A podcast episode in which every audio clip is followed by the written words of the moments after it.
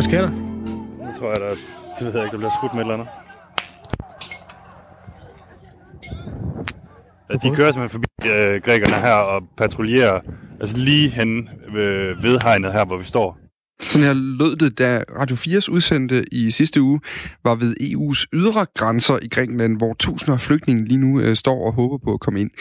Flygtningeaftalen med Tyrkiet er nemlig kollapset, og det har skabt øh, frygt for en gentagelse af flygtningekrisen i 2015.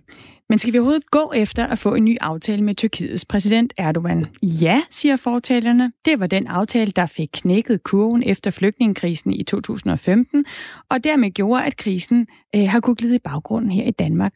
Nej, siger modstanderne.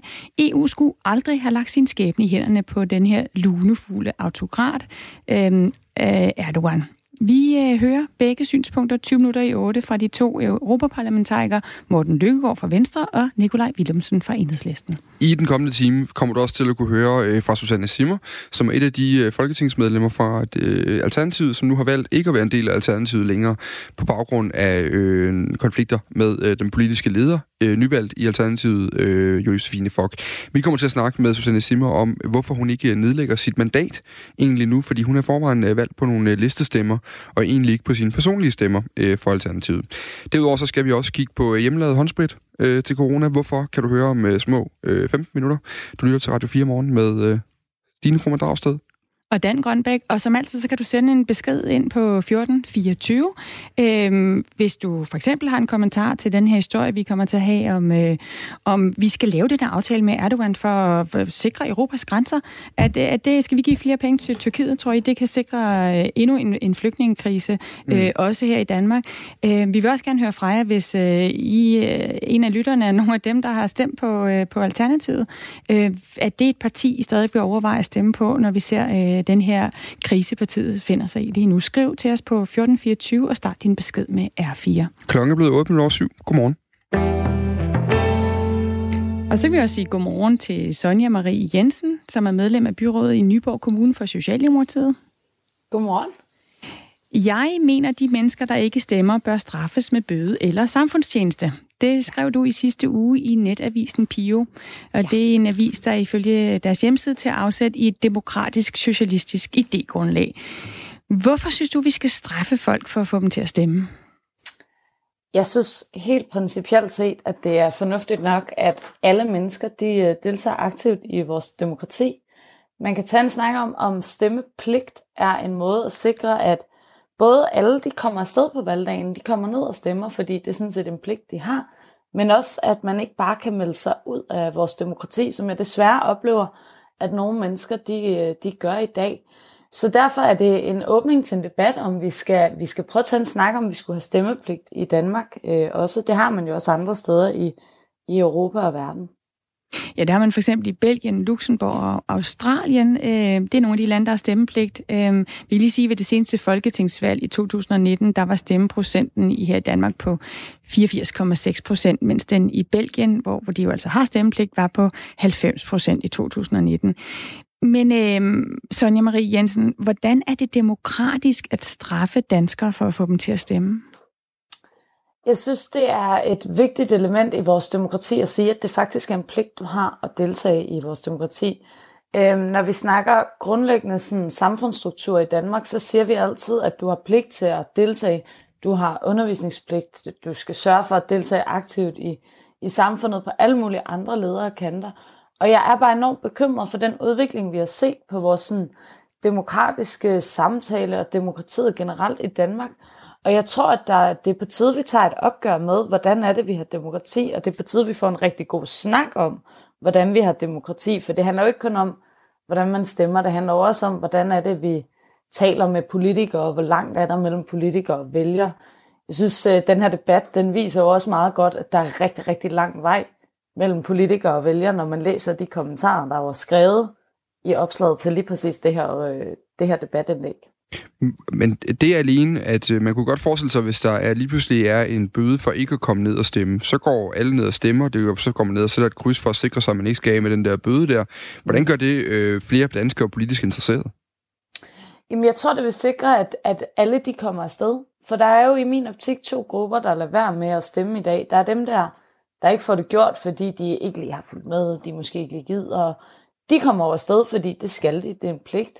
Øhm, og så er der jo den gruppe, der aktivt tager et valg om, at de ikke vil demokratiet. Og jeg håber jo, hvis vi får en stemmepligt i Danmark, at det kunne opfordre de her mennesker til enten selv aktivt at gå og bidrage til, hvad er det for et demokratisk samfund, vi vil have, eller at de i det mindste bare kommer ned og sætter en blank stemme, og så må de jo udtrykke deres utilfredshed på den måde, hvis man ikke selv vil tage ansvar for, hvordan samfundet skal udvikle sig. Men, men, men, men jeg er nødt til lige at spørge igen, fordi lad os sige, hvis du selv definerer de her to grupper, som der er den ene gruppe, som er imod demokratiet, og derfor ikke går derned, og så er den anden gruppe, der bare ikke er særlig interesseret, øh, og, og derfor ikke går ned og stemmer. Altså, hvordan løser det nogle af de problemer, at de eventuelt bare lige går ned og krydser af, for ikke at få en bøde? Altså, nu øh, har jeg selv oplevet i min familie, at vi har rigtig mange udvekslingsstuderende fra Australien. Og det, jeg hører fra, fra de unge mennesker, der, der bor dernede og lever med den stemmepligt, de jo har i Australien, det er jo, at fordi at man har den pligt, så sørger man også for, at man ved, hvad man går ned og sætter for en kryds. Det er jo heldigvis meget, meget få danskere og udlændinge i, i for eksempel Australien, som bare går ned og sætter et eller andet kryds på en tilfældig streg. Man sætter sig jo ind i, hvad det er, man går ned og gør. Forskellen er jo bare, om det er en pligt, du har at gå ned og sætte kryds, eller om det er en ret, du har. Og spørgsmålet er jo så bare, vil du gå ned og betale en bøde, eller vil du gå ned og sætte et kryds og tage et aktivt valg om, hvad det er, du vil have for en repræsentativ demokrati? Nu er valgdeltagelsen i Danmark, som vi lige nævnte jo, en af de højeste i Europa. Altså mm. igen, 84,6 procent stemte ved valget i 2019. Øhm, og i Belgien var det så 90 procent, hvor de jo altså har den her stemmepligt. Hvorfor skal vi tro med noget så voldsomt som en straf for at få øh, stemmeprocenten højere op, når den allerede er høj? Altså, jeg synes faktisk ikke, at, at det er øh, at tro helt vildt meget, når man siger, at man, man burde øh, deltage aktivt i demokratiet. Og, og det er jo fantastisk, hvor stemmeprocent er høj ved for eksempel det seneste folketingsvalg. Men hvis du ser på kommunalvalget i 2017, så svinger stemmeprocenten altså helt ned til 59 procent i Ishøj Kommune og op til 81 procent i Allerød Kommune. Jeg er bekymret for, at vi har kommuner, der sidder med mandater, der, hvor det ikke engang er 60 procent af befolkningen, der har været nede og sætte deres kryds. Og hvis stemmepligten ikke er svaret, så er spørgsmålet, hvad er det så, vi skal gøre i stedet for? Og det har jeg bare ikke hørt nogen gode bud på endnu. Og derfor synes jeg, at, at stemmepligten er et, et, et værktøj, der kan være værd at tage i brug til at sikre, at alle de kommer afsted. Men lad os så sige, for eksempel i Ishøj, øh, en af de her kommuner, hvor stemmeprocenten er så lav, at den så lige pludselig hedder 100, fordi man har indført stemmepligt. Har man så løst problemet? Jeg håber, at det vil løse problemet i, at folk de kommer til at komme ned og stemme, de kommer til at tage et aktivt valg, og at de kommer til at deltage i demokratiet på et, på et minimumsniveau, som jeg mener, at der er, når man går ned og stemmer. Jeg håber også, at det kan, det kan åbne op for den mulighed, der hedder, at de mennesker, du i dag oplever, der siger, vi har ingen tillid til politikere. Vi synes også, at politikere, de er, hvad det er blevet kaldt, rablende sindssyge og øh, en tåbe af format og sådan noget. At de mennesker, de i det mindste kommer ud og siger, hvad er det så, de vil i stedet for? Altså hvis de er så meget imod at stemme, hvis de er så meget imod demokratiet, vi har i Danmark i dag, hvad er det så alternativet til det er? Det hører man jo ikke nogen svar på, udover at politikere er forfærdelige, og at politikerlederne er for høj. Og vi kan godt være enige om, at der er alt for langt mellem politikere og vælger i dag, men hvad er det alternativet er, hvis det ikke er vores demokrati og vores ytringsfrihed? Men man kan også spørge dig, Sonja Marie Jensen, om det at tvinge folk ned til at sætte et kryds, som jo så lige så godt kan blive blankt, hvis man allerede besluttet sig for, at man enten ikke vil stemme, fordi man ikke mm. føler sig informeret nok, eller ikke, øh, ikke synes, at øh, man har tiltro til politikerne. Hvad kan det overhovedet hjælpe, hvis det, du i sidste ende vil have, er øh, bedre demokrati og mere øh, oplyste borgere? Mm. Man kan sige, jo højere stemmeprocenten er, jo bedre et mandat, føler jeg i hvert fald som folkevalgt politiker, man selv sidder på. Men man kan sige, at den anden del er jo også, hvis du først opdager på valgdagen inde i stemmeboksen, at du ikke ved nok, eller at du ikke føler dig oplyst nok, så har vi jo også et problem. For hvorfor er det, man ikke føler sig klar til at træffe et valg, når man er færdig med folkeskolens 9. klasse? Hvorfor er det, man ikke i løbet af en valgkamp besøger nogle af de enormt mange politiske valgmøder, der er? Hvorfor er det, man ikke i løbet af en valgkamp går ind og følger nogle af alle de der kandidatteste, som samtlige danske medier jo laver, eller en politiker på sociale medier? Hvorfor er det, man først kan tillade sig at sige, nu står jeg inde i valgboksen, og nu føler jeg mig ikke oplyst nok? Det er jo ikke, fordi politikere ikke gør noget for at oplyse folk. Det er jo ikke, fordi medierne ikke gør det enormt nemt at gå ind og tage kandidattest med 10 spørgsmål, og så er der en algoritme, der fortæller, hvad du nogenlunde matcher. Der er jo enormt mange muligheder. Nogle tager jo bare et valg om, at de ikke vil være med. Bare lige her til sidst, øh, Sonja Marie Jensen. Man kan i Danmark idømmes mellem 30 og 300 timer samfundstjeneste. Uh, hvor, hvor mange timer skal det koste ikke at stemme? Det, det har jeg ikke gjort fuldstændig op med mig selv. Jeg synes bare, at, at hvis bøden det virker for hårdt for nogen, så kan man jo tage samfundstjenesten som et, et alternativ. Så bidrager man jo også til vores øh, rigtig dejlige demokratiske samfund i Danmark. Så du har ikke nogen idé om, hvor høj bøden skal være, eller hvor mange timer samfundstjeneste Nej, det, det skulle være? Til. Okay. Tak, øh, fordi vi jo så i ja. hvert fald her fik startet debatten med dig, Sonja Marie Jensen, øh, byrådsmedlem i Nyborg Kommune for Socialdemokratiet, om det her med, om vi faktisk skal indføre stemmepligt i Danmark. Og lad os da bare uh, sige nu, hvis du har en holdning til det her med stemmepligt, uh, 1424 hedder sms'en, du sender en sms ind, og så skal du R4 først, så vi gerne høre, hvad du tænker om forslaget om, at du fremover vil kunne få en bøde, hvis ikke du går i stemmeboksen, når der er valg til kommunal eller, eller folketing. Og Dan, jeg skal lige sige, jeg tror måske faktisk, vi har et problem med øh, sms'en. Vi har lige fået lavet en test på den, og øh, øh, det ser ud som om, de ikke kommer frem. Så hvis I sidder derude og har skrevet ind, øh, vi prøver at få det til at fungere, så vi kan læse jeres øh, sms'er mm. øh, og, og få jeres input med. Nå, øh, Stine, i går, øh, hvis, du, altså, hvis du går ud i en dagligvarerbutik eller på et apotek eller et eller andet sted lige i øjeblikket og øh, er på jagt efter håndsprit, øh, så øh, kan det altså have, øh, have den konsekvens, at du faktisk overhovedet ikke kan finde det nogen steder. Jeg har her et billede fra vores øh, gode kollega, øh, Kasper Harbo, som har været på jagt i går, og han har øh, simpelthen været nede forbi et apotek i Bruns Galeri i Aarhus, øh, hvor der er sådan en lettere resignerende besked til apotekets kunder. Vi har ikke noget håndsprit, og vi ved, ikke, vi ved simpelthen ikke, hvornår vi får det igen. Øh, altså, det er åbenbart noget, der, der stød, folk støder på mange forskellige steder, altså, hvor der simpelthen er udsolgt, uanset om du går i dagligvarerbutikker, i Matas, eller på apoteket, eller hvor du skulle gå hen. Vi er alle sammen travlt med at spritte hænder i øjeblikket, åbenbart. Ja, jeg Hvem tror, det, troet det? Jeg var ude at rejse for nylig, det eneste sted, jeg faktisk kunne få fat i noget håndsprit, øh, det var sådan, at de på flyveren simpelthen delte en lille, øh, sådan en lille øh, flaske ud. Øhm, så det var måden at, få fat på det på, men jeg kunne simpelthen ikke købe det nogen steder. Nej, men derfor, så Kasper Harbo, han er jo en, øh, han er jo en øh, foretagsom øh, ung mand, og han har simpelthen fundet på en plan B, fordi du kan jo selv lave det. Stine, altså det her håndsprit. Altså Kasper, han har simpelthen været inde og finde to opskrifter, han har sådan testet dem, og så har han efterladt de her to flasker til os. Øh, og hvis du nu du ja. kan lige beskrive den ene der. Hvis du tager den, den her, jeg står med, det ligner en, øh, sådan en, det er sådan en rejseflaske. Det er vand, der er i. Øh, når jeg åbner den, så er det også sådan, eller det, det er ikke vand. Det ligner vand, det der i. Når jeg åbner den, så kommer der en klar væske ud. Og når jeg smører den på mine hænder, hvad dufter det en lille smule. Ja. ja, det dufter fuldstændig af sprit. Og jeg vil faktisk sige, det dufter øh, mere af sprit, end den håndsprit, man normalt bruger. Lige om lidt, så, så huden af. Jeg ja. ved ikke, om jeg tør det her. Nu har du givet mig den, der ser lidt ulækker ud, jo. Ja, hvordan ser den ud? Ja, det er uklar væske. Altså, den er sådan, bare sådan støvet hvid. Og så ligger der et eller andet i, der kunne ligne, jeg ved ikke hvad, noget, noget vat, eller en eller anden øh, noget svamp eller noget. Øhm, og, øh, den, den den er... Sige, jeg kan sige, den her, når jeg har den på hænderne, så dufter den øh, sådan... Det er ligesom sådan mad, du ved, det har en eftersmag. Den her har sådan en efterduft af, øh, du ved, brændt over ilde. Det der, altså, man bruger skal til jeg virkelig prøve den her? Ja, det skal du. Okay. Tag svampen på hænderne. Ja. Virker det, tror du? Ui! Hold da op, hvor er det stærkt. Ja. Ja. altså, jeg kan sige, den her dufter sådan bagefter af brændt over ilde, ligesom når man har renset sår.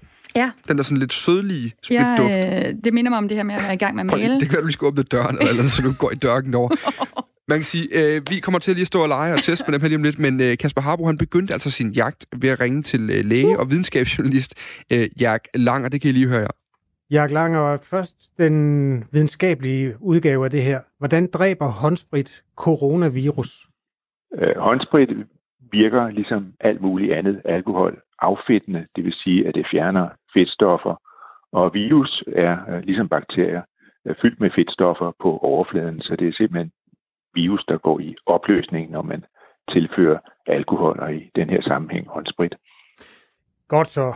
Derfor har jeg tænkt mig, at du skal være konsulent i forhold til min hjemmelavede håndsprit. Jeg har to opskrifter fra nettet, som øh, begge to ender med at holde ca. 70% alkohol. Er det rigtigt antaget? Det, det er nok til at dræbe en corona? Ja, alkoholkoncentrationen, eller det der lidt fint hedder etanol, den skal optimalt ligge på 70 til 85, så det er en strålende koncentration, du ender op med. Jeg lurede jo lidt på, om man kunne bruge rød Aalborg eller noget af det der lidt billigere alkohol. Men det kan man ikke, øh, fordi den starter med at være 40. Det, det, det dræber ikke alle øh, bakterier og virus i den forstand så? Nej, altså rød Aalborg og andre former for god, stærk spiritus er, hvad jeg vil kalde en god indre afspritning. Men øh, på hænderne, så er det desværre ikke nok. Men lad mig lige så også sige, alt andet lige er det bedre end ingenting. Så står man og har ikke noget som helst ved hånden, men andet end en flaske snaps, så er den da bedre end ingenting. Godt. Øhm, jeg Langer, jeg starter, det er jo ikke et noget, jeg ved jo ikke, hvor jeg skal starte med, at der skal være rent i sådan et hjemmelaboratorium. Nu har jeg sådan et glas her. Øhm, skal jeg spritte det af, før jeg begynder at blande sprit i det, eller er det ikke nødvendigt? Helt optimalt, så skal du bruge et øh, sterilt glas, men mm. altså igen, øh, vi, du, du står ikke og laver en 10 liters opløsning, som skal kunne holde et halvt år. Øh, min tanke var faktisk at lave cirka en deciliter, og nu går jeg ud fra WHO's øh, opskrift. De har simpelthen lagt en opskrift på nettet til sådan nogen som mig. Der skal man starte med noget øh, isopropyl alkohol. Der skal være øh, 75 ja. ml. Så den... Har du nogensinde blandet din egen håndsprit? Det har jeg ikke, men øh, jeg vil også starte på en anden måde, end du gør, fordi jeg vil fylde øh, andre ingredienser i først, og så vil jeg hælde spritten i til allersidst, hvor man bare topper op, indtil man når den mængde, man gerne vil lave i dit tilfælde 100 ml. Det er den nemmeste måde at gøre det på. Det var sgu meget godt tænkt, men lidt sent du kommer med det input. Nu tilsætter jeg så 4 ml brændt over ilte.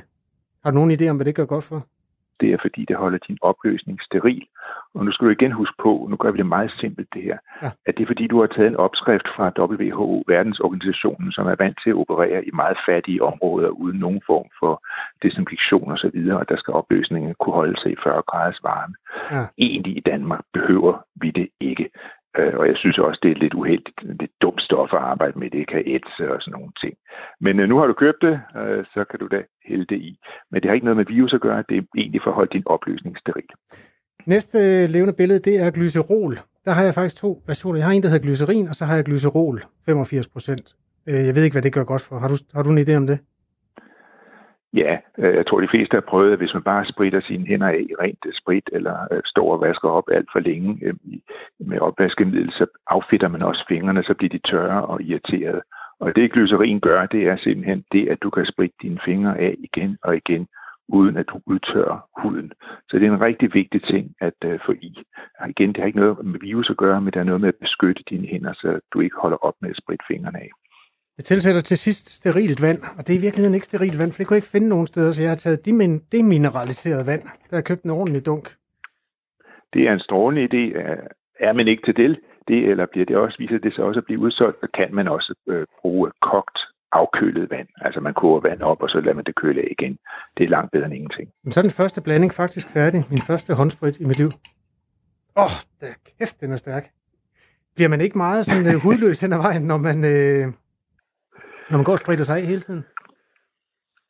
Jo, øh, det, hvis man gør det rigtigt, og det håber jeg da, at øh, lytterne også gør, at man spritter, når 40 år efter man øh, har været i potentiel kontakt med virus, altså har rørt ved et eller andet, været i byen, eller før man skal ind i supermarkedet, efter man skal ud af et supermarked igen, og alle de her ting, så kan det godt blive til en hel del afspritninger i øh, dagens øh, løb. Men øh, dels så har det, tjener det jo altså en øh, vigtig funktion, og dels er det altså sådan, at så frem er glycerin nok i, så vil øh, hænderne kunne holde til det, og ellers så kan man jo også øh, med fordel alternere en gang imellem, og så bruge den gode gammeldags øh, håndsæbe og øh, postevand. Det virker altså også meget godt. Jeg synes, vi skal indføre et koncept, der hedder indre øh, afspritning. Altså, hvor man lige tager en rød Aalborg i nyerne i de her øh, coronatider, for lige at være helt sikker. Hvad, Stine, den det går flaske, jeg også ind for. Vi har byttet flaske nu. Du har fået den der med det helt klare ja. i. Det er altså en øh, lille flaske fra WHO's opskrift, vi hørte her. Ja. Øh, det er altså, hvis du, du kan finde, hvis du bare googler hjemmelavet håndsprit WHO. Øh, og det er altså den helt klare. Prøv lige den. Det var den, jeg prøvede lige før. Ja. Og så er der den anden her, hvor det her, du beskrev som en, øh, sådan en klump vat, eller sådan noget, der ligger nede i. Det er simpelthen, øh, det kom fra en amerikansk netavis, og det er jo kun gode ting, Oi. der kommer fra amerikanske netaviser. Øh, den indeholder simpelthen noget aloe vera i stedet for glycerin, og det er altså den er sådan ikke helt lykkedes helt, for det her planteudtræk, det ligger som den der slatne øh, klump vat nede i, ikke? Okay, øh, det er aloe vera? Det er simpelthen aloe vera. Så ved jeg ikke, om jeg ikke pludselig foretrækker den. Fordi er det, er det så ikke... Så er det måske pludselig en lille smule rare for hænderne. Fordi vera, der er jo glycerin i den der. Mm, ja. Glycerin er jo godt for Jeg synes, den her gør ondt. Den, jeg står med, den gør lidt ondt på smårifter. Ja, det gør den her da også. Nå, uanset hvad, øh, du kan lave øh, hjemmelavet håndsprit, altså gå ind og du kan google hjemmelavet håndsprit WHO, så får du den opskrift. Jeg synes godt, vi kan kort den der over som vinderen. Hvorfor det? Den, den er sådan lidt fedtet i det, den er træls. Synes du det? Ja, så ligner det jo noget, der er for gammelt, altså når man kigger på den her. Ja, men nu når du har sagt, det er aloe vera, så ved jeg ikke, om jeg bedre kan lide det. Mm, okay. Nå. Nå, Nå hjemmelavet håndsk- øh, håndsprit kan altså lade sig gøre, hvis du støder på de her øh, udsolgt skilte ude Ja. i butikkerne. Og vi ville jo have sagt, at hvis du selv sad med en genial opskrift på håndskrift, så kunne du give, øh, på håndsprit, så kunne du give øh, lyd til os. Men øh, vi har altså desværre fået at vide, at vores øh, sms-system, det er nede. Øh, vi prøver at få det op at stå her senere på morgenen. Øh, men indtil videre, så prøver vi at regne ud, hvad det er, du vil have spurgt om, og give dig alle svarene øh, her i løbet af øh, de næste halvanden times Radio 4 morgen. Klokken er 5 minutter i halv 8, og vi skal tilbage til historien om øh, Klimarådets rapport, som jo landede i går. Rapporten giver dybest set nogle anbefalinger til politikerne om, hvordan vi ender på de her 70% reduktioner af vores drivhusgasudledning i 2030. Men de her anbefalinger, de bliver jo ikke øh, gratis at imødekomme, og enhedslisten frygter, at regeringen forud for forhandlingerne om den nye klimalov ikke er åbne omkring, hvor dyr den grønne omstilling faktisk bliver. Godmorgen, Maj Villersen. Godmorgen. Du er klimaoverfører og medlem af Folketinget for Enhedslisten, og du er bekymret for, at øh, er regeringen underdriver, hvor meget initiativerne i den kommende klimahandlingsplan kommer til at koste. Hvorfor det? Jeg synes i hvert fald, det er vigtigt at gøre det meget klart for alle borgere, der sidder og lytter med derude og læser med i nyhederne, at det jo kommer til at koste noget øh, at lave den her kæmpe omstilling af vores samfund. Det, det kan der ikke være nogen tvivl om, og det betyder jo også, at der er nogen, der skal betale. Og vi kan ikke sætte gang i en hel masse øh, kæmpe ændringer af vores samfund, uden at, uden at det i hvert fald til en start har nogle ret store udgifter. Og der, der bliver man jo nødt til at spille med åbne kort, synes jeg, som regering, og, og samtidig også pege på, hvem man selv synes, der skal betale for den grønne omstilling. Et af Klimarådets anbefalinger, der kom i går, det er jo at indfase en afgift på udledning, udledning af drivhusgasser, der skal stige op til 1.500 kroner per ton CO2 i, i 2030. Kan enhedslisten, kan I uh, acceptere så stor en afgift? Altså, Klimarådet siger jo meget direkte, at det er simpelthen den afgift, der skal til. Det er det, der skal til øhm, for at, at løse, øh, hvad kan man sige, den klimakrise og den udfordring, vi har stillet os selv overfor med de 70 procent. Så derfor bakker vi selvfølgelig op om, øhm, at, at det, det her er et af de elementer, vi skal benytte os af. Så siger vi samtidig, og det siger Klimarådet faktisk også i deres rapport, at man kan kompensere de danskere eller de borgere, der har allerfærrest penge ved at give dem det, der hedder en grøn check. Altså at man giver dem øhm, nogle, nogle ekstra midler som kompensation for de afgifter, vi indfører. Og det synes jeg er en rigtig god måde at lave grøn omstilling på. Det er klart, varer, der er produceret ved at udlede meget, de bliver dyre. Til gengæld er dem, der har mindst, de får, øh, de får noget kompensation. Så I er klar i enhedslisten til at støtte op om de anbefalinger, der kom ud i går, også øh, selvom det vil komme til at koste øh, en, en del for den almindelige dansker. Vi har snakket om det her med 13 kroner mere på oksekød. Vi har snakket om også almindelige ting som mælk øh, og benzin øh, bliver dyrere. Ja, vi har jo faktisk også selv for et år siden fremlagt en klimaplan, som præsenterer ret mange af de samme tanker. Der har vi præsenteret en plan, som for eksempel også pålægger landbruget at lave en CO2-afgift, øh, men hvor de penge, der kommer ind til statskassen, de går tilbage til landbruget, nemlig til de landmænd, der faktisk er med til at reducere deres udledning. Det samme for de store virksomheder. Og det tror jeg er vigtigt, at man arbejder både med, hvad kan man sige, pisk og gullerod, sådan så dem, som ikke øh, får reduceret deres udledning, de skal betale mere end dem, der faktisk er med på den grønne dagsorden. Men det er klart, øh, jeg synes, varer i langt højere grad skal afspejle det klimaaftryk, de har. Øh, og det er simpelthen det, der vil ske, hvis man langsomt indfaser sådan en afgift. I dag har vi jo en CO2-afgift for nogle virksomheder, Øhm, men de allerstørste udledere er faktisk fritaget fra at skulle betale. Og det, det synes jeg, at Klimarådet har helt ret i, at sådan skal det ikke være længere. Noget af det, du var inde på lige før mig, Villadsen, altså klimaoverfører fra, fra Enhedslisten, det var omkring det her med den sociale slagside. Det er også noget, det Dan Jørgensen taler om, mm. hvor du sagde det her med, at man, man eventuelt kunne lave det her, øh, bruge det her forslag om en grøn check øh, til de danskere, som, øh, som bliver ramt af det her. Hvorfor er den sociale slagside overhovedet vigtig i den her øh, proces, der jo handler om at, øh, at sænke drivhusgasudledningen som primært formål? Jeg synes, man kan sige, at den er, den er vigtig af et par grunde. For det første er jeg ret sikker på, at den er forudsætningen for, at vi faktisk får opbakning til den grønne omstilling. Vi har jo set, hvordan Macron i Frankrig lavede højere benzinafgifter, samtidig med, at han sænkede skatten for de allerrigeste. Og det gav altså gule veste på gaden, og det forstår jeg ærligt talt også godt. Men, men det var vel det lige så meget skatte, rigtigt, at det er... Det var skattesænkningerne til de rigeste, der også gav problemer der. Man kunne vel godt bare sige, at vi er nødt til at hæve lige afgiften præcis. på benzin. Det kan man jo godt gøre, uden at sådan, de sænke topskatten. Det er rigtigt nok. Nu øh, peger Dansk Industri så ellers i deres øh, grønne klimarapport på, at man netop skal sænke topskatten, fjerne SU'en, gøre kontanthjælpen mm. mindre og sådan noget. Så der er en ideologisk kamp i gang. Det er der ingen tvivl om i forhold til den grønne omstilling. Og som venstreorienteret synes jeg selvfølgelig ikke, at vi skal gå på kompromis med hverken vores velfærdssamfund eller lave større ulighed. Øhm, det er klart. Jeg mener også, at det er jo dem, der har allermindst, der kommer til at mærke konsekvenserne af det her hårdest. Øhm, der er nogen, der bare kan gå ud og købe en Tesla, øh, så let som ingenting, øhm, og som ikke har så meget imod at betale meget mere for, for et kilo oksekød. Og sådan er det bare ikke alle mennesker, der har det. Så derfor synes jeg, det er rigtig vigtigt, at vi i særdeleshed kompenserer dem i vores samfund, som allerede er trængte, som, som har mindst. Men er det, en, er det en menneskeret at kunne købe oksekød? Nej, og det siger jeg da bestemt heller ikke. Øh, men jeg synes at det er rigtig, rigtig vigtigt, at de mennesker i Danmark, som ikke har øh, særlig meget, de også skal have et godt liv fremover. Og det er jo alt, der bliver dyrere.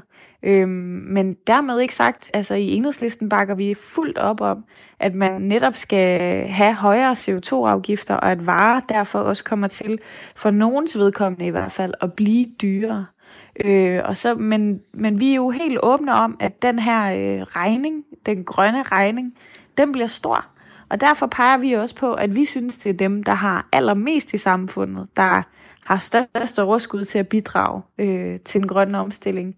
Og derfor har vi foreslået øh, i går, at man genindfører en formueskat, der var dengang på en ny var statsminister, øh, og laver den til en grøn rimandsskat, sådan så at vi får flere penge ind til statskassen, som kan gå målrettet til grøn omstilling. Det sagde altså klimaoverfører og medlem af Folketinget for Enhedslisten, Maj Villersen. Øhm, og Dan, det, vi kan jo godt se, hvor det her går hen imod. Man er enige om, at man skal have de her 70 procents øh, reduktion i 2030, men nu begynder det politiske slagsmål, som Maj Villersen også sagde, jo i virkeligheden jo går hen og bliver helt klassisk politisk. Mm. Altså, de venstreorienterede partier vil så gerne have øh, øget skat på de rige, øh, der er Venstrepartiet vil så gerne beskytte landbruget, osv. osv. Så øh, det er nok der, skoen trykker, når de skal til at forhandle videre i øh, klimaforhandlingerne. Lige nu, der skal vi have et nyhedsoverblik, Stine. Det skal vi have fra øh, Dagmar i Østergaard. Vi har forsinket hende lidt, men hun står klar. Klokken den er blevet lige lidt over halv otte.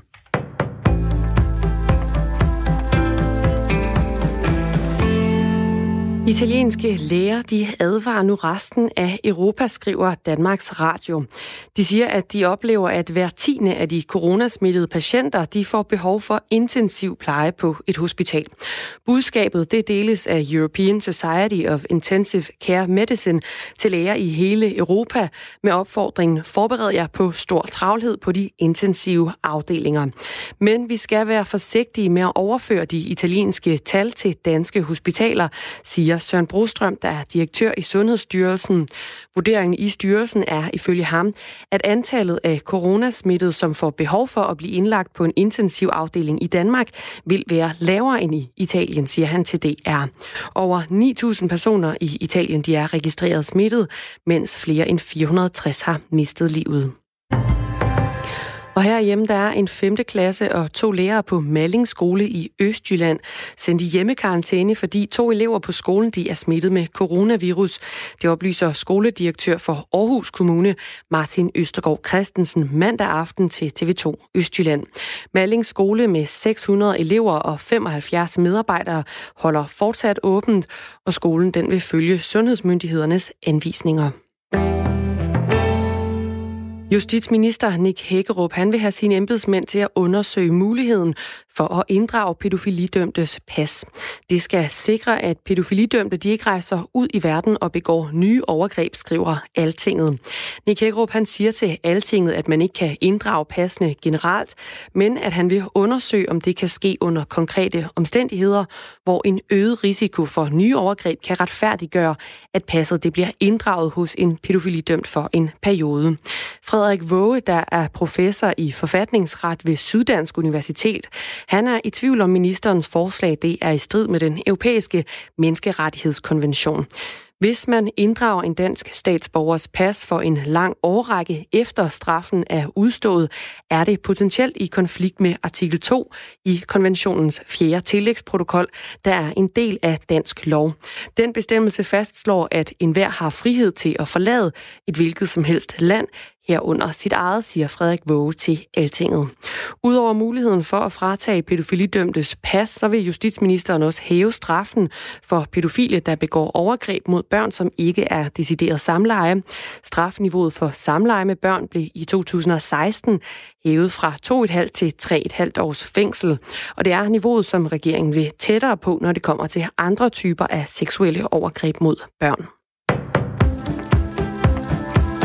Repræsentanter for mange af de forbrugere, der måske skal betale mere for mad, benzin, rejser eller opvarmning. De er positive over for Klimarådets anbefalinger af nye afgifter, der blev fremlagt i går. Signe Ribergaard Rasmussen, hun fortæller her. Anja Philip, der er formand i Forbrugerrådet Tænk, peger på det seneste folketingsvalg, der havde fokus på klima og på rådets egne undersøgelser som indikation på, at forbrugerne er klar til klimatiltag. Det er selvfølgelig ikke sjovt, at vi skal betale mere for mange ting, men det er en nødvendig omstilling, og vi kan se, at der er opbakning fra forbrugerne til at betale mere, hvis det forbedrer miljø, sundhed og klima, siger hun. FDM's afdelingschef Torben Lund Kusk mener, at der er mange fornuftige overvejelser i forslaget, det skriver Jyllandsposten. Men hvis man vil gøre prisen for en liter benzin eller diesel 4-5 kroner dyrere, skal det kombineres med en omlægning af afgifterne, så man i højere grad betaler for at bruge sin bil, ikke for at købe den, siger han. Sagde Signe Ribergaard Rasmussen. En vejrudsigt fra DMI, det bliver med regn i dag, og den breder sig fra sydvest til hele landet, og så når den Bornholm sidst på dagen, mens det altså begynder at klare op i Jylland til den tid. Temperaturerne de lander mellem 5 og 9 graders varme, og så skal vi tilbage i selskab med Dan Grønbæk og Stine Krohmann Dragsted. Det er på Radio 4 morgen.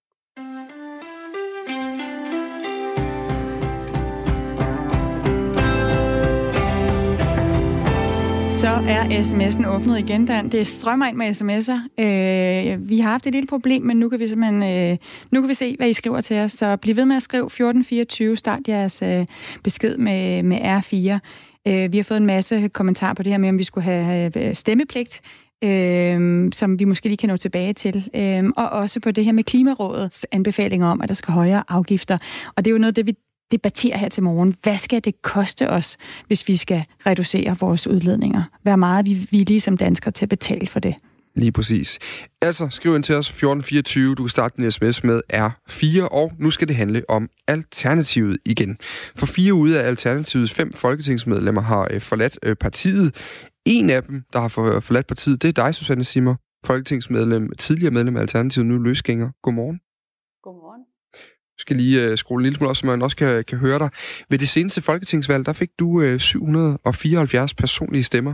Det er ikke helt nok til at komme i Folketinget, men på grund af reglen om listestemmer, så kom du ind ved valget i, i 19. Dit mandat, som du tager med ud af Alternativet nu, tilhører det dybest set ikke partiet? Jeg og føler, det der tilhører mig, og det er jo også sådan, at, øh, at det er øh, skruet sammen ifølge vores grundlov. Men, øh, men, men når det så er listestemmer, du også sidder på, betyder det så ikke noget? Altså for mig så betyder det stadigvæk, at jeg er, jeg er valgt ind i Folketinget øh, som, som mig personligt. Og det er det rigtigt, jeg har fundet listestemmer, og det er jeg rigtig glad for. Og dem har jeg tænkt mig at, at benytte mig af også i forhold til at få gennemført alternativs politik. Mm. Kan du forstå, hvis der sidder nogle alternative medlemmer nu øh, og, og tænker, der i vores mandat? Jamen det kan jeg godt forstå. Øh, jeg håber, at øh, de vil opleve, at det faktisk ikke er sådan, det er. I går eftermiddag, vi kan lige tage lidt information først, i går eftermiddag, der forlod øh, fire ud af Alternativets fem folketingsmedlemmer jo øh, partiet. De forhenværende alternativister, alternativister og nuværende løsgænger, det er Uffe Elbæk, Rasmus Nordqvist, Sikander Sidik og øh, der er altså dig, Susanne Simmer, tilbage er kun Torsten Geil på nuværende tidspunkt, øh, og Alternativets nye forperson, Josefine Fock, sidder altså ikke i Folketinget. Øh, Susanne Simmer, øh, hvad, hvad er det gode argument for, at, at du skal fortsætte i Folketinget og ikke lade en suppliant for partiet forvalte det mandat, som jo, jamen man kan vel godt sige, det moralsk set tilhører partiet, og ikke dig personligt? Det er det arbejde, jeg har lavet indtil nu, hvor vi har været med i øh, over 30 øh, forlig og har fået gjort vores indflydelse gældende på mange måder, og det, det arbejde, jeg vil fortsætte med. Men, men hvordan, hvordan gavner det arbejde på nogen måde alternativet, hvis øh, stemmer, du også sidder på? Altså nu tænker jeg jo, det handler jo først og fremmest om at få gennemført den politik, som, øh, som vi alle sammen står på. Øh, både dem, der er i Alternativet nu, og mig som tidligere medlem. Der er en fantastisk fin politik, og, og det er den, der skal gennemføres. Og så tænker jeg måske egentlig, at, øh, at det er mindre vigtigt, om man er, er medlem eller ikke medlem. Altså det er jo samfundsændringer, vi går efter. Tror du Alternativets medlemmer, dem der stadig er tilbage, dem der øh, stemte i stort antal på Josefine Fox som ny politisk leder, har det på samme måde? Jeg tror, det er meget forskelligt. Øh, jeg tror, der, der, jeg har jo fået mange tilkendegivelser. Nogle, der er meget skuffet og meget vrede, men jeg har faktisk også fået rigtig mange positive og anerkendende tilbagemeldinger. Så jeg tænker, at øh, det, det er delt. Har du, har du fået anerkendelser fra, eller erkendelser fra, fra medlemmer, nuværende medlemmer af Alternativet, som er glade for, at du er gået ud af partiet? Ja, som har stor respekt for den beslutning, jeg har truffet. Når du, nu, nu siger du det med, at, at det er jo ligesom projektet og politikken, der tæller. Når du nu går ud af, af Alternativet, har du tænkt dig at, at føre den samme politik fuldstændig videre? Det er den politik, jeg står på, ja. Og det er den tid, uh, politik, jeg blev valgt på, så det gør jeg, ja. Og den, den udvikler sig selvfølgelig hen ad vejen. Det gør den jo uanset om, om man er i Alternativet eller er løsgænger. Så, så der kan jo måske komme med noget justering, men de vil bygge på Alternativets visioner. Men hvis du ikke vil være medlem af Alternativet, øh, men gerne vil føre politikken videre, hvad er så problemet i at være medlem af Alternativet, hvis det er alligevel samme politik, du kommer til at arbejde for? Altså problemet det er, at øh, jeg desværre ikke øh, med Josefine Fox som politisk leder er i stand til at, at, at være den bedste udgave af mig selv, som hun også har brugt tidligere i forhold til, til fortiden. Men i forhold til nutiden, så, øh, så kan jeg bedst gennemføre vores politik som løsgænger. Hvad er det for en udgave af dig selv, du ikke kan være med Josefine Fox som leder? Samarbejde med Josefine Fox, som jeg har haft som, øh, politi- eller som gruppeforperson, det har, det har været præget af, at, øh, at den høje grad af, af mistillid til, til mine kollegaer og til, til medarbejdere fra Josefine Fox side, og, og store svingninger i, øh, altså fra at være aggressiv til at, at være ydmyg, og, og flere ting, som jeg ikke sådan vil komme nærmere ind på, som, øh, som gør, at, øh, at det, det, tager, det tager energi fra mig, og det, det bliver et svært øh, psykisk arbejdsmiljø at arbejde i. Men Susanne Simmer, har der været uenighed om den politiske linje med Josefine Fock? Øh, det har ikke, det har faktisk ikke, Josefine hun har ikke øh, sat øh, politik på dagsordenen, mens hun har været derinde. Øh, og jeg, altså, så det jeg ved om hendes politiske ståsted, det er det, hun har været med i valgkampagnen. Og øh, jeg tænker ikke, at øh, altså, der var ikke så mange øh, politiske budskaber i det, som øh, gør, at jeg har noget, noget grund til at antage, at øh, vi har en stor politisk uenighed. I, I står jo midt i, altså det, det er nu jeres hjerteblod bliver forhandlet. Klimaforhandlingerne foregår. Det var ligesom det, som I også blev født på det her med den grønne dagsorden. Og alligevel så sætter dig og andre øh, de her personkonflikter øh, over det at holde sammen på partiet. Altså det, at I går, betyder jo i høj grad, at det parti har, kan få meget, meget svært ved at overleve. Kan du ikke se, at det virker for, for mange medlemmer kan virke øh, meget mærkeligt? Jo, det anerkender jeg fuldt ud. Men igen, at, altså, vi kan jo ikke, øh, vi kan jo ikke være, være dygtige politikere, hvis det er sådan, at øh, vi ikke øh, kan stå inden for den ledelsesstil, som er der, og, øh, så, fordi den påvirker os, og den, øh, den gør, at det bliver ikke et øh, frugtbart miljø at være i. Så derfor så, så tager vi kampen uden for Alternativet, også i forhold til klimaforhandlingsplaner og påvirke miljøet. Og jeg er jo meget stolt af, at, at, at vi er med til at bidrage til at få klima loven etableret og få klimahandlingsplanerne i gang. Susanne, så, eller Susanne Simmer, jeg vil gerne lige spille en kommentar fra dig, eller for dig. Den kommer fra Charlotte Agersted. Hun er øh, mangeårig alternativist og øh, var en af de 936 medlemmer, der stemte på øh, Josefine Fock. Prøv lige at høre, hvad hun siger her. Altså, den følelse, jeg sidder med umiddelbart, det er, at jeg føler mig mega snydt. Altså, mega snydt på en måde, hvor, hvor man tænker sådan, hvad fanden er der foregået? Altså, øh, vi sad der, vi var alle glade, og vi havde en mega fed proces i forhold til det her med valget. Og så bliver det ikke sådan, og så kommer der lige pludselig de her ting frem. Øh, og så, så, tænker jeg, hele det her med den politiske kultur, hvor vi taler om tingene, og vi forsøger ligesom at finde en vej igennem det, det synes jeg ikke, man står for, når man så, når det bliver rigtig svært, melder sig ud på den måde. Du sagde også lige før, at øh, du forstod godt, at folk kunne være, være sure over det her. Når man nu taler om politisk kultur og arbejdsmiljø og alt muligt andet i den her øh, proces, men alligevel ikke vil blive helt konkret på, hvad det er, der har været galt i den måned siden øh, Josefine Fock tog over. Kan du se, at, øh, at bliver dig og de tre kolleger, der hopper ud på tid, netop et eksempel på den politiske kultur, Alternativet jo faktisk gerne vil gøre op med? Altså Alternativet har jo udviklet sig i en, en retning, som ikke øh, faktisk øh, baserer sig på vores øh, debatdom og vores værdier. Og, og det, det bliver vi så symptombærende på nu. Og, og som øh, Uffe Elbæk også har været ude at sige, så var der ting, som, som måske eller skulle være, have været mere åbent fremme tidligere. Øh, jeg kan bare sige, at øh, de oplevelser, jeg bygger min beslutning på, det er nogle, jeg selv har haft med Josefine. Og jeg havde ikke oplevelser med Josefine, en negativ oplevelse med Josefine, før jeg blev Øh, Men hvad, hvad, hvad er det så, Josefine Fock har gjort i løbet af de sidste fem uger, som har gjort, at du nu går til den ret radikale beslutning at tage dit mandat med ud af Alternativet?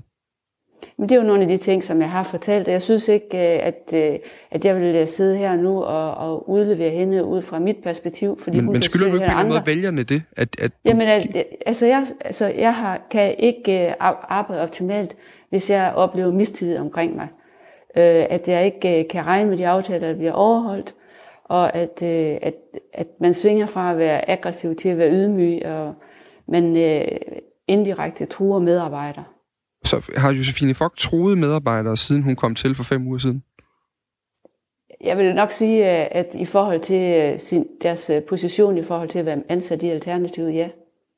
Og det betyder jo også nu, at, øh, at der er flere, der siger op. Og Susanne Simmer igen, at det er vigtigere for dig, hvad I har af personlige fnid og fnader, end det politiske projekt, I faktisk stod med at kunne lykkes nu, når der er klimaforhandlinger? Nej, men præcis ikke. Det er fordi, jeg vil varetage det politiske projekt. Og det gør jeg bedst uden for Alternativet. Og det er sørgeligt, at jeg er ked af det, men det er sådan, det er på nuværende tidspunkt. Så undskyld, jeg skal lige forstå jeg anerkender, at medlemmerne har valgt Susanne, jeg skal lige forstå dig rigtigt. Ved at I går nu øh, fra partiet, så mener I, at I varetager Alternativets politik bedst? Altså vil I nærmest er ved at opløse det her parti, så varetager I politikken bedst? Altså det er da kun på Christiansborg. Og på Christiansborg, der er det, der er det den måde, jeg mener, vi kan gøre det bedst på. Og så er der selvfølgelig politi, parti, partiet er der jo stadig. Altså Thorsten Geil er der, men der er jo også uh, hele foreningssystemet og alle frivillige og alle dem, der er i, i baglandet, som uh, man siger. I hvert fald uh, tak for uh, forklaringen, Susanne Simmer. Selv tak. Altså folketingsmedlem og tidligere øh, medlem af Alternativet nu løsgænger. Og vi kan sige, at Alternativet mister 81 procent af øh, de øh, øh, kroner, der blev givet til øh, folketingsgruppen derinde, i og med, at øh, folk øh, skifter ud af partiet nu. Jeg vil bare lige hurtigt sige også, at vi jo taler med Rasmus Nordqvist, en af de andre medlemmer, der har, der har meldt sig ud, og der er en af vores lytter, der skriver ind, det virker som om, at uh, Alternativet er forsmået over, at det ikke blev uh, Rasmus uh, Nordqvist, der uh, blev valgt. Hvad sker der? Nu tror jeg, der, det ved jeg ikke, der bliver skudt med et eller andet.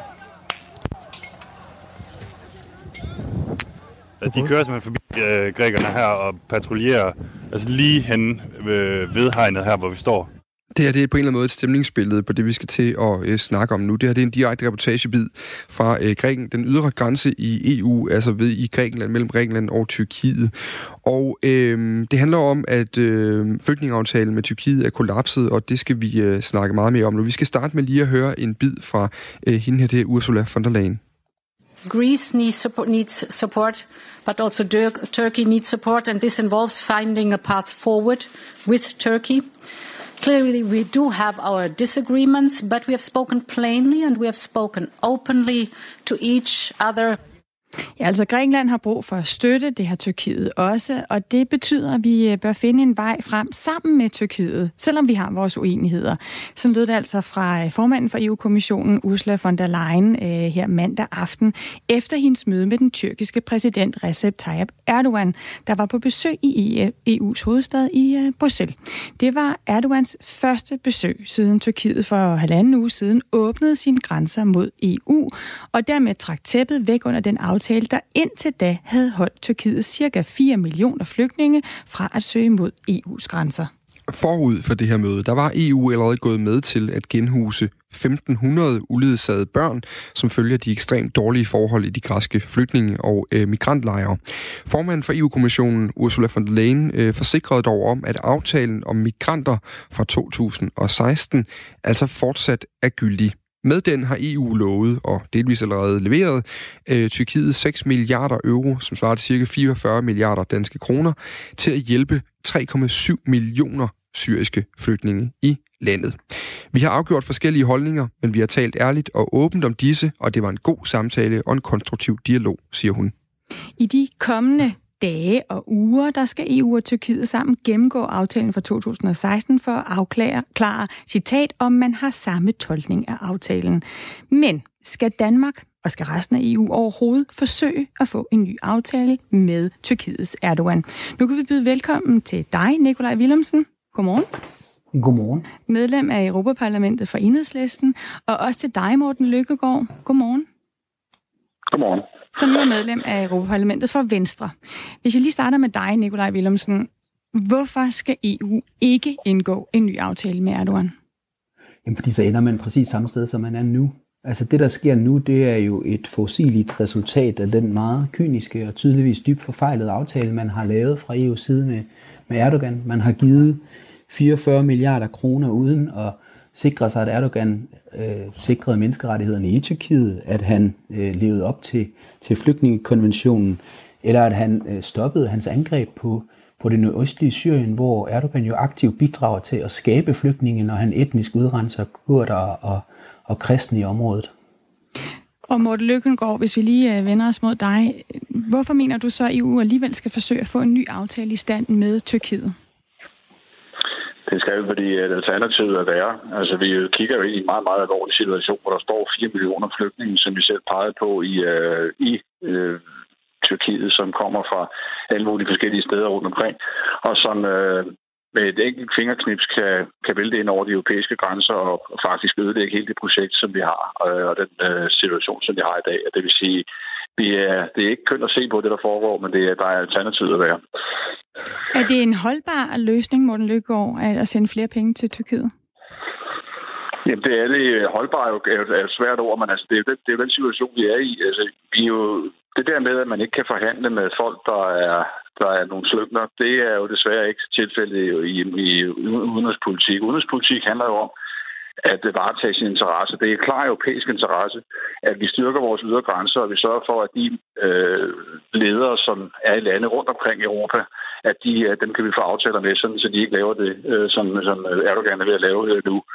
Og, den, øh, og de aftaler, vi så er nødt til at lave, altså jeg synes, at Nikolaj Willumsen glemmer at fortælle, at øh, den aftale, vi lavede med Erdogan, faktisk har været en stor succes i den forstand, at over 90 procent af tilstrømningen, som var, kom til Europa i 2015, er stoppet. Jeg, jeg er nødt til at spørge, hvad vil alternativet være, hvis vi ikke havde lavet den aftale? Så var Europa blevet oversvømmet af migranter og flygtninge i en fuldstændig uoverskuelig situation. Det kan være huske, som kan jo tilbage til 2015. Nikolaj Willumsen, det skal du næsten lige lov til at svare på. Jamen altså, man kan sige, EU vil jo være fuldstændig i lommen på Erdogan og Putin og andre slyngler, indtil vi får en solidarisk fordeling af flygtninge i Europa. Og så selvfølgelig også sådan, at vi får gjort det, som er, er den først og fremmest vigtigste opgave, det er at få hjulpet i nærområderne. Og jeg synes, det er meget, meget vigtigt at understrege, at Erdogan skaber jo flygtninge. Altså det er Erdogan, der har angrebet vores allierede i kamp mod islamisk stat i den nordøstlige Syrien. Det er Erdogan og ekstreme øh, islamistiske militser, der i Syrien lige nu etnisk udrenser øh, befolkningen og driver 10.000 på, på flugt. Så Erdogan han skaber flygtninge, og han bruger så flygtninge på desperat flugt fra krigshelvede i Syrien til at afpresse EU for at få flere penge. Og den fælde, den skal vi ikke falde i. Vi skal sige fra over for Erdogan, vi skal hjælpe i nærområderne ved at hjælpe de kurdiske selvstyreområder i Syrien med at tage sig af de internt fordrevne og flygtningene der. Og så skal vi have en solidarisk fordeling af, af de flygtninge, der kommer til Europa, sådan at vi sørger for, at vi ikke er i lommen på Putin og Erdogan. Nikolaj Wilhelmsen, jeg skal lige høre, du, du siger, at en af løsningerne er det her med at have en solidarisk øh, fordeling, men det er jo øh, som om Erdogan han kan skrue op og ned for antallet af mennesker, som du også selv siger, som når frem til EU's grænse. Hvilken betydning øh, har det så, at vi internt kan fordele flygtninge i EU? Er det virkelig en løsning på problemet? Det har jo den helt klare betydning, at vi ikke vil have lande, der bryder sammen. Altså hverken Grækenland eller Italien kan tage sig af de flygtninge, som kommer til Europa alene. Der er behov for, at vi løfter i, i flok. Så hvis vi, hvis vi vil have en, en måde at fungere på, hvor vi ikke kan afpresses af eksempelvis Erdogan eller andre despoter, øh, så bliver vi nødt til at, at løfte i flok. Så det er i virkeligheden det, der er, er behov for. Men en anden ting, som jeg synes er vigtigt at understrege, det er jo, at det faktum, at Erdogan kan bruge flygtninge på desperat flugt fra, fra krigshelvedet i Syrien til at afpresse EU, viser jo, at flygtningene ikke bliver behandlet ordentligt i Tyrkiet. Altså Tyrkiet har ikke fuldt ud øh, tilsluttet sig den øh, flygtningekonvention. Man sørger ikke ordentligt for flygtninge. Man kan bruge flygtningene som, som, øh, som en afpresningsmiddel mod EU, og det understreger i virkeligheden, at den aftale, man har haft, har ikke fungeret. Vi har set, hvordan tyrkiske øh, grænsevagter på grænsen til Syrien har skudt og dræbt øh, flygtninge øh, på flugt fra, fra Assad og islamisk stat, selvom det står i aftalen, at man skal holde grænsen til Syrien åben. Så aftalen har ikke været respekteret. Nu bruger Erdogan aftalen til at afpresse EU, og det er fuldstændig uacceptabelt. Morten Lykkegaard, vi hører her fra Nikolaj Willemsen, at aftalen har ikke været respekteret. Erdogan kan bare, hvis vi laver en ny aftale, blive ved med at afpresse os. Prøv også lige at høre, hvad din egen tidligere partiformand øh, sagde øh, her i går, da han blev interviewet på orientering på P1. Det kan også godt være, at man endnu en gang kan betale Erdogan for at løse vores problemer, men i længden kan det jo ikke være strategien. I længden kan det ikke være strategien endnu en gang at betale Erdogan for at løse vores problemer. Øhm, mener du stadigvæk, at det er en holdbar løsning at blive ved med at lave en aftale og sende penge til Erdogan? Nej, nu sagde jeg også, at holdbar er et stærkt ord, ikke? men at der er jo rigtig, rigtig mange ting, der er blevet bragt på banen her. Jeg er fuldstændig enig i, at selvfølgelig er det ikke en langtidsholdbar løsning at betale despoter for at holde flygtninge ud af Europa. Så det er, da, det er da fuldstændig rigtigt. Men her nu er situationen altså bare den, at der ikke er nogen løsninger, der er bedre. Og det, det, det tror jeg, alle kan skrive under på. Det, der er er sagen, og nu, nu nævner jeg, at nogle flere ting. Altså, jeg, jeg gider jo ikke forsvare Erdogan og den måde, han behandler folk på. Men sagen er jo den, at det er jo ikke kun Erdogan, der, der skaber flygtninge. Det er jo simpelthen bare en forsimpling af tingene. Der kommer millioner af flygtninge østfra, migranter østfra, der kommer folk sydfra. Vi har en situation, hvor vi er simpelthen nødt til at få stoppet hullet, og derfor øh, laver vi den slags aftaler her, og vi er nødt til at lave en mere. Så skal vi selvfølgelig, og det gør vi jo også, hjælpe til i nærområderne, som, som der bliver peget på. Vi skal sørge for at, at sende penge til Afrika. Vi skal lave en forhandlet løsning i Syrien. Det har vi ikke været gode nok til. USA og Europa har jo svigtet i Syrienkrigen. Det er der ikke mange meninger om. Øh, altså selvfølgelig at, at, at, at det med til at skabe flygtning, men det er jo ikke kun Erdogans problem. Så vi er altså nødt til at, tage, at kigge noget mere nuanceret på det her.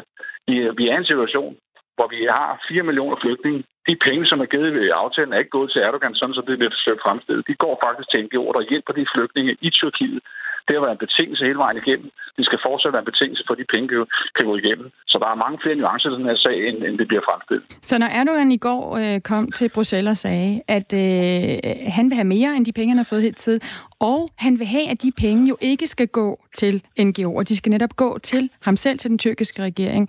Øh, er det så et krav, som du mener, man ikke skal give efter? Ja, det er, det er et krav, man skal give efter. Det er klart, det her er jo en forhandling, som er i gang nu. Man kan jo tydeligt høre på den måde, som Ursula von der Leyen taler på, at nu er nu forhandlingen genåbnet. Alt, hvad vi har set de sidste 3-4 uger, handler jo om, at Erdogan har skruet op på det her, netop fordi, at den gamle aftale er ved at løbe ud, og nu vil han gerne have en ny. Og fordi han har en situation, hvor hans soldater bliver dræbt i, øh, i, øh, i, i Syrien. Så det vil sige, han, er, han sender et signal, det er ikke særlig sympatisk, det er faktisk temmelig uacceptabelt, det er jeg enig med, med, med kritikerne i. Men vi har som sagt øh, ikke ret mange alternativer andet end at snakke med manden. Og det er så det, som Ursula von der Leyen er i gang med, og lurer mig, om der ikke kommer en ny aftale. Øh, Nikolaj Willumsen, øh, øh Morten Lykkegaard har fat i noget her, fordi vi har jo tidligere set de her flygtningestrømme, hvor man jo bredt hen over Europa, øh, jo øh, i hvert fald på lederniveau blev enige om, at det ikke var en idé at tage imod de her store mængder, der kommer. Der kommer også migranter mange andre steder fra, alt efter øh, hvordan man lige definerer det. Altså, øh, har vi dybest set noget modsvar til at, at, øh, at have Erdogan som løsning lige nu? Ja, det har vi da selvfølgelig. Altså for det første må jeg sige, at siden øh, EU-parlamentsvalget, der er der sket det, at Erdogan har angrebet vores prodemokratiske og kurdiske allierede i kampen mod islamisk stat, og EU har siddet på hænderne. Man har ikke brugt den mulighed, man havde til at presse Erdogan, hverken med målrettede sanktioner mod de ansvarlige for krigsforbrydelser eller økonomisk pres. Og så skabes der flygtninge i Syrien, og de flygtninge bruger Erdogan så kynisk til at afpresse EU. Så selvfølgelig har man haft andre muligheder for at handle. Men har vi det nu? Ja, det har vi da også nu. Altså helt konkret, så kan vi tage imod de mennesker, som, som øh, kommer og få undersøgt, om de har en asyl øh, sag, om de er berettiget til beskyttelse. Hvis de ikke har det, så skal de selvfølgelig sendes hjem. Hvis de, hvis de har det, så skal de beskyttes. Og så først og fremmest, så skal vi have hjulpet i nærområderne. Der er Syrien og det, de kurdiske selvstyreområder mm. nogen, der skriger på hjælp. Det er vores allierede i kampen mod islamisk stat. De bliver angrebet af Erdogan. Vi skal da lægge et økonomisk pres på Erdogan. Vi skal, vi skal hjælpe de kræfter, som har kæmpet for os i, i kampen mod islamisk stat med at beskytte internt fordrevne i Syrien. Så der er masser af muligheder for at handle. Det, som man, man i virkeligheden gør, fra EU's side, der man hopper i Erdogans fælde, og det kommer til at koste skatteyderne rigtig, rigtig mange penge. Det kommer ikke til at hjælpe folk på flugt. Jeg bliver simpelthen nødt til at afbryde dig nu, Nikolaj Willumsen. Aftale, man lægger op til. Ved I hvad, det her det er en stor diskussion, og den kommer til at fortsætte, og den tager tid, sådan en diskussion, og derfor så øh, kommer vi helt sikkert også til at tage den op igen. I hvert fald øh, tak, fordi I var med her i øh, første hug af den på Radio 4, øh, Morten Løkkegaard og Nikolaj Willumsen. Selv tak. Ja, tak, tak, tak. Og der er nyheder nu. Klokken den er blevet øh, godt og vel et minut over 8. Vi beklager, Dagmar Eben Østergaard.